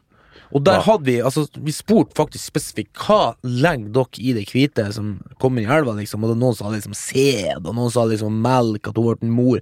Altså Det var så interessant å se hva folk egentlig tolker. Men det var ikke én som tolka det som død. Og hvorfor det? Jo, på grunn av at jeg hadde jo allerede på en måte svaret på det, men jeg bare hoppa litt, jump to conclusions, at liksom det var den østlige mm. som, som forbinder det med død. Ja. Men at- Eastern Hemis. Ikke sant? Sånn at eh, jeg vil Men det er det tro samme det med fargen rød, som for enkelte kulturer kan bety fare, mens for andre kulturer kan bety lidenskap. Ikke sant? Ja. Og sånn som i starten på eh, Don't Look Now, der det er en sånn hest som rir. Hvit hest, ja. Hvit hest som rir, eh, som sprenger ved siden av veien. Ikke sant? Da påsto han eh, læreren vår da at det betydde i mange kulturer, og ofte i film og TV, så betyr det at død kommer, liksom. Mm. Og det må jeg innrømme at jeg har, jeg har ikke sett det virkelig før etterpå, så jeg skjønner ikke helt hva han mente med det. Så jeg husker jeg prøvde å google mye på skolen, fant ikke ut av det. Men da når jeg googla det, da, så fant jeg ut at han, han Coppola, Frances Coppola, bruker altså appelsiner hver gang at i hans film. Så er det bestandig en sånn appelsinstand som blir tippa rett for noen liksom, i Ja. hovedrollen. Eller noen Er ikke det når han Don Corleone dør, da, så triller en appelsin ut av hånda hans? Jo, Han er jo å plukke appelsiner. Ikke sant? Så han har det, da, som Mm. er sånn Og det er noen flere etter han har plukka opp Da, brukt Men ja, flere folk andre bruker det òg. Det blir jo kulturelt, da, fordi vi plukker opp ting vi ser, og så bruker man det. Det er det samme som i, i vikingtida. Eh, svart kråke som dukker opp, ble sett på som et bad omen. Mm. Som er òg har blitt uh, Svart kart over veien. Ja, men det blir jo brukt som met eh, metaforer og symbolikk i film den dag i dag. ja. ja. Hvis nok, har, har dere lyst til å snakke litt mer om symbolikk, eller noe sånt der, for eksempel eh, superb use of symbolism? Eh, hvis ikke så har vi har, jeg, jeg jeg, God bruk av symbolikk. Ja, rett og slett. Jeg eh, kom på en film Okay. som egentlig jeg gjorde research til da, det som skal være neste episode. Eh, som er veldig symbolheavy. Eh, det er da en scene fra en film som har snakket om, som heter No Country for Old Men. Mhm. Og det er denne her mynten til Anton Chigurh. Bitte lite plot device, Mm. eh, object, men som betyr så jævlig mye for eh, karakterer i filmen. Mm. For det betyr liv og død, rett og slett. En coin der. Så enkelt kan du bruke symbolikk. Ja. Sånn som den scenen Nå, nå skal ikke vi blow toot our horn for mye før, før neste episode, eh, som skal handle om thriller eh, og suspens og sånn. Eh, men ja, jeg skulle bare inn på det. At Mm. den- Cool. Men eh, Føler, jeg føler vi må snakke om Vi må tilbake til det her når vi snakker om filmer. Ja, vi må, altså, det må vi, vi må Nå har vi jo Jeg har jo vært en sånn Prøvd å få det med, deg, men liksom, nå føler jeg vi fikk litt mer verktøy. Nå kan vi Mm. faktisk begynne å prøve å plassere det. Prøve å faktisk Hvis vi finner symbolikk i en film neste gang vi analyserer, så kan vi prøve å plassere det. Hva er det for Hvilken type symbolikk kan han bruke der? Mm. Det, det, det finnes så mye da som representerer ting som er, Noe er subtilt, og noe er liksom sånn veldig in plain view. Eh, ikke for å sitere navnet på hovedpersonen i The Will Be Blood, som heter Daniel Plainview. Men for eksempel filmer som representerer for eksempel makt, kan liksom bare bli Forsvinne i mengden, da. Men det er som du sier, da, til og med i karakternavn. Det brukes veldig mye, syns jeg. Mm. I film, i hvert fall. Mm. Vi, vi leite jo mye etter det når vi skulle lage den bacheloren, Mm. blant annet. Så på liksom norrøne navn og hva det betydde og sånn, for at det skulle liksom ha en Ja, større effekt. da vi valgte jo ve, Hun heter jo heter jo Vera, Vera, ja. og det betyr jo eh, og sånn her Renselse eller uskyld, uskyld eller et eller annet sånt. da Ja, det samme som Neo i The Matrix, som er en anagram, Jeg tror det er anagram heter. Av The One. Ja. Symbolsk eh, navn. Pluss han heter Thomas Anderson. Anderson betyr son of man. The first, liksom. Han er jo den første av sin Matrix er veldig symbolheavy, da. Den er veldig symbolheavy. Har er jo faktisk lovte lovt lytterne våre for over et år siden Nei, kanskje et år siden at vi skulle ta for oss Matrix 2 og 3 òg. For å prøve å sammenligne de med innen. Og hvor egentlig Ja, De- før, de- fall de- før fireren kommer nå. Ja, ja. Ja, før firen kommer. Det var fett. En annen fyr som er veldig tung på symbolikk, men som er eh, kanskje Forsvinner litt i både geografisk og liksom eh, kulturell, da. Også på grunn av at det er gammelt, det er jo hans Tarkovskij. Akkurat det jeg skulle si. For du har jo lest en bok. Jeg har han- han bruk- Han bruker mye sånn um, speil Ja, men han- Men sa sa ikke han at han ikke Han kaller ikke symbolikk. Nei. Han sa han hater når folk spør han hva symbolikken i filmene For han sa det ikke var symbolikk. Han kaller det metafor.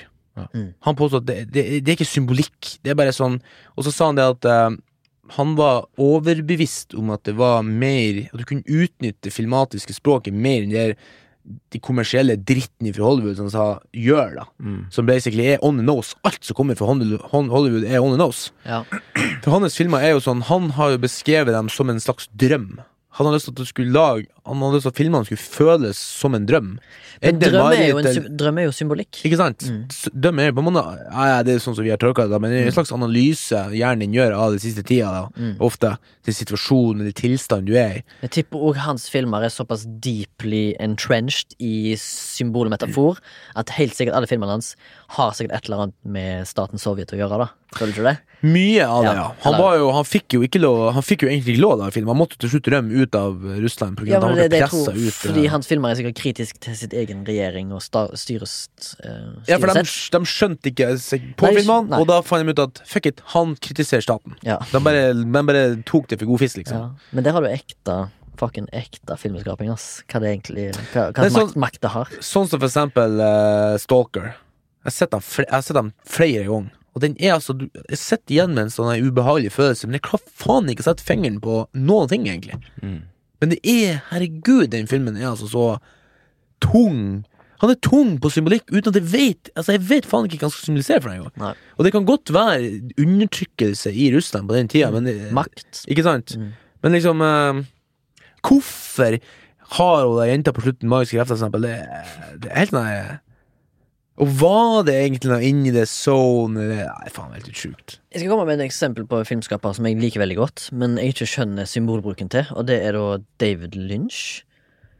Det? Han er, jeg føler jeg er mer sånn kunstnerisk. Han er veldig Ja. sånn symbolheavy, men jeg, jeg føler også på en måte at hans ting ikke betyr noe. Nei. Det er kun for å fucke med hjernen din. Mm. Han har jo sagt, selv sagt at han skriver jo uh, manusene sine i sånn her uh, lucid dreaming.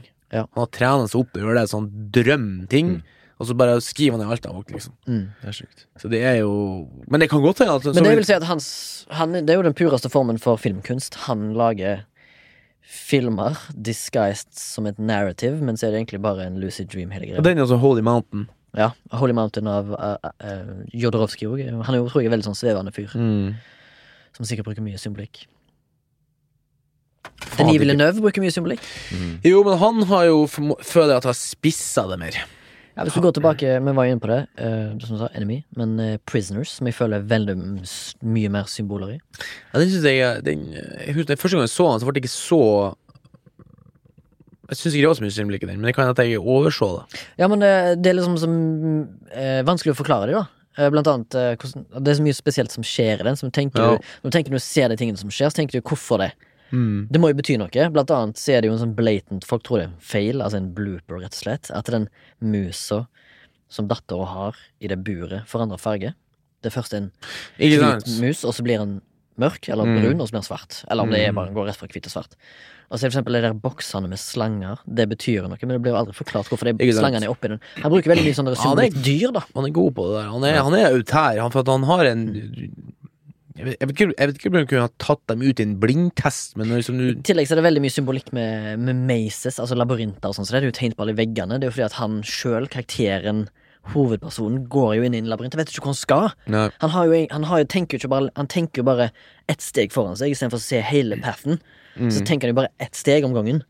Det er jo, det, som, det er jo som å gå i blinde i en labyrint. Det er litt sånn som Plutselig, plutselig, altså, I tillegg så på slutten så forsvinner han jo inn i en labyrint, basically. Det er jo samme som The Shining og faktisk Horse Girl at de, de, ofte blir labyrinter bruka for jeg, tror jeg for å liksom illustrere et sinn som ikke helt vet hvor du skal. Exactly. Altså du, du går rundt liksom, og det er bare Det, det ser ut som det er samme, men du kommer aldri ut, liksom. Mm. Og det er liksom sånn som folk er jo er i.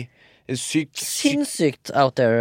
Uh, ikke sant? Og folk som er i psykose, de, de går jo på en måte runde og runde og runde liksom prøver å komme ut, liksom, men de, de, de finner liksom aldri døra. Jeg føler vi kan snakke om en evighet om det her, altså, for det er jo liksom essensen i kunst. da Å tolke. Å føle. Så Jeg er bare sånn, skal vi avslutningsvis Baba, tenker jeg skal bare anbefale en fyr som er veldig Jeg føler han er veldig smart, og kanskje tar litt ting som ikke jeg sjøl tar, og han kanskje han ser symbolikk i ganske små ting, men en kar på YouTube som heter Rob Ager, altså Rob A-G-E-R, på YouTube, som symboliserer Eller leser masse symbolikk i filmer, og bruker sånn Ja, hva skal jeg si, metaforer og han har, egent, han har lagd en egen film, en kortfilm, som har presset inn så mye symbolikk han bare kunne, bare for å liksom sjekke det ut og sånn. Eh, han, jeg anbefaler hans eh, filmer på YouTube. Han symboliserer Nei, han analyserer filmer Og så skriver han ofte avhandlinger, men det må du gjerne kanskje betale for. Men han, han lager kanskje en liten kortversjon video av det han snakker om. Og han er veldig flink på å se symbolisme i all slags populærkultur og, og videnskjente filmer. Under radaren, eller? Mm. Hvis du ikke det et siste stikk, Morten? Siste stikk.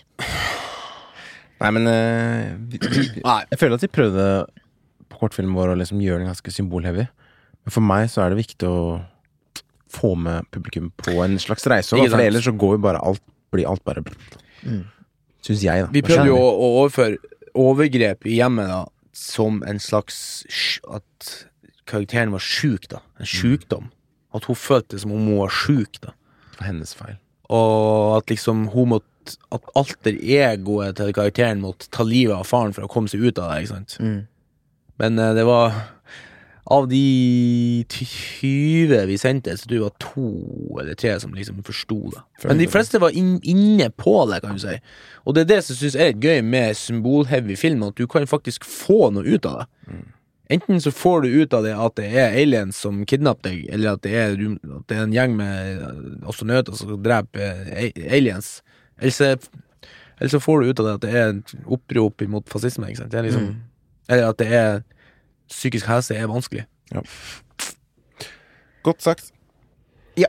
Under radaren. Jeg kan ta denne gangen, jeg. Ja. Det må være noe Eh, symbolikk-heavy. Um, det kan Det er iallfall uh, Jeg vil si at det er um, den, Jeg skal til en TV-serie eh, som jeg vet Netflix har. Og Netflix har produsert den siste sesongen av i alt fire sesonger. Og det føler jeg er en TV-serie som bruker veldig god tid på å etablere karakterer, plott og eh, handling. Hvis det er det samme. Eh, kanskje han er symbolheavy, vet ikke, men jeg syns iallfall det er et veldig bra eh, stykke håndverk når det gjelder krimserie. Som er basert på et dansk konsept som heter Forbrytelsen, altså nærmere bestemt The Killing. Som er en eh, TV-serie som går på Netflix. Fire sesonger. Oh. Eh, den er såpass, tar seg såpass god tid at eh, de to første sesongene handler om den samme saken. Eh, veldig spennende. Veldig sånn Jeg har ikke et godt ord for meticulous, men detaljert, kanskje. Går veldig inn i materien. Tett inn i materien. Det er den Eh. danske, ikke sant? Du, den danske. Jeg snakker om den amerikanske. Den amerikanske. Meticulous tror jeg blir grundig. Ja, grunn, ja de går grundig til verks, da. Mm. På å etablere eh, hvem som er Altså who done it. Plottet, liksom. Ja. Eh, og eh, jeg syns det er Det er dark, det er brooding, det er liksom fine bra karakterer som er liksom flawed. Og eh, hun derre Mereos Enos, er det hun heter, eh, som spiller hovedrollen. Og så har du Joe Kinnaman, han svensken, spiller den andre hovedrollen. Og så er det fullt opp med andre et karaktergalleri som eh, tar de med på Altså liksom Du blir så overraska av ting de har Fordi de blir først framstilt som noe, og så blir de kanskje ender de opp som noe annet. Og da blir du veldig overraska, da. Synes jeg. Altså, jeg synes den, eh, den serien gjør det jævla bra. Eh, som er da en film som handler om en krimsak, men som egentlig handler om noe annet. Som handler om karakterene. The Killing, Netflix. Kult. Go watch. Cool. Jeg håper vi opplyste folk litt om symbolikk. Ja. Og metaforer og Jeg syns iallfall det er dikt. Ja, det var jeg gøy. Jeg liker symbolikk sjøl, så det var gøy. Jeg sitter her og bare sugd med informasjon. Da. Takk til Remi, som er en eh, Ja. mester på research. Ja, faen. Nei, jeg, jeg, jeg har bare masse faner oppe. Det, det er, Det er kunne- research, det, er ikke, det er ikke vanskelig å, å merke at det er du som er rekvisitøren her, for du er vant med å finne ting. Jeg er vant med å bygge det, Ja. og han bare, bare er skriver det. Han sitter og, han sitter og skriver det. Ja, faktisk. ja, men han har jo lyst til å bruke det. Sant? Ja. Det er jo et tool. Jeg må Vi bruke prøver jo å Ikke at vi er lærere eller vitenskapsmenn her i Flashback, men eh, vi prøver i alle fall å opplyse om det vi muligens kan litt Vi er nysgjerrige nerds, ikke sant. Ja, vi er litt nerds. Hver sin gang. Kom med info. Gøy. Kult. Podkasten er produsert av Soundtank. Soundtank. Soundtank. Det er eh, Sondre som gjør lydetterarbeidet. Men i dag så er det Christian som gjør Passer på. Han er Overser. spakemann. Han er spakemann mens vi sitter her. Han er spak. Eller egentlig, så, egentlig så sitter han og dupper med hodet ned i mobilen sin, og så Nei, nei, justerer han litt nei, lyd nei, på når, når Morten eh, begynner med brølingen sin. Så må han liksom Å, shit, nå må han ta ned pitchen. Så jeg skal ikke. Nei, kødd. Um, hvis du vil ta kontakt med oss, så er det bare å sende oss en mail på flashback.soundtank.no. Eller via Instagram eller Facebook. Mhm. Der svarer vi også. Og ta kontakt, altså. Vi har ikke hørt så mye. Så si fra. Gjerne også hvis jeg Nei, glem det. Gjerne også hvis Gjerne det hvis det er noe. Nei, det var ikke noe. Nei, vi har hørt litt, da. Gjennom uh, Morten får vi masse tilbakemeldinger. Og du også får litt tilbakemeldinger. Jeg får tilbakemeldinger, jeg òg. Baba, du Ja, får ingen tilbakemeldinger. kjeft. Har du ingen venner eller noen som hører på som er interessert Jeg vet ikke, altså. I don't know. Faktisk, jo, jeg fikk en en som uh, jeg holdt på å si eh, ga meg filleristing, for når vi snakka om Logan, at jeg kunne så lite om Wolverine. En kompis som heter oh, Arvin. For vi, vi så mye på X-Men og The Wolverine og alt opp igjennom. Da, så bare sånn 'Du kan jo ingenting, jo! Faen, jeg hørte på, var dritdårlig!'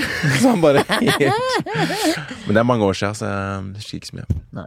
Så han hører faktisk på. Og Ola Rydjord har også sagt han hører på. Så det er kult. Det er kult. Um, Shout out! Shoutouts. Og hvis du har lyst til å hjelpe oss med litt økonomisk bidrag, så tar vi også mot det på Vips for å holde serverne i gang. Donations, donations. Eller spons oss. Eller spons. Vi er glad i øl, vi er glad i mellombar, og vi er glad i Kino. Headspace og kino, ja. Kinobilletter. Mm. Ja, Kino pluss Oslo kino, kino. Bang. Bang. Det kult. Bang. Hvis du har noen premier som skal gi ut, så bare kom til oss.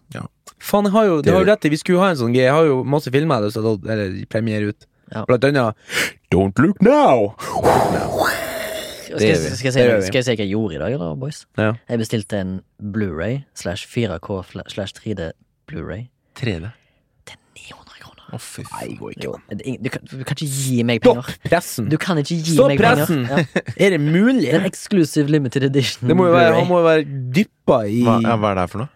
Gull? Det er Blade Runner 2049. Ja, det er greit. Ja. Det er faktisk greit. Men ikke Jeg, må, 3D. jeg bare måtte ha den. Ja, men jeg, jeg, I prepare for the future. Jeg har ikke tenkt å kjøpe meg en 3D-TV. Oi, Men jeg tenker for på the future. Jeg vil ha 4K. Det var en three-disc set med masse masse ekstra shit. Ja, ja, ja. Ok, nå må vi avrunde, så blir Ja, vi faen meg morgen her nå. Ja, det blir sikkert morgen. Kult.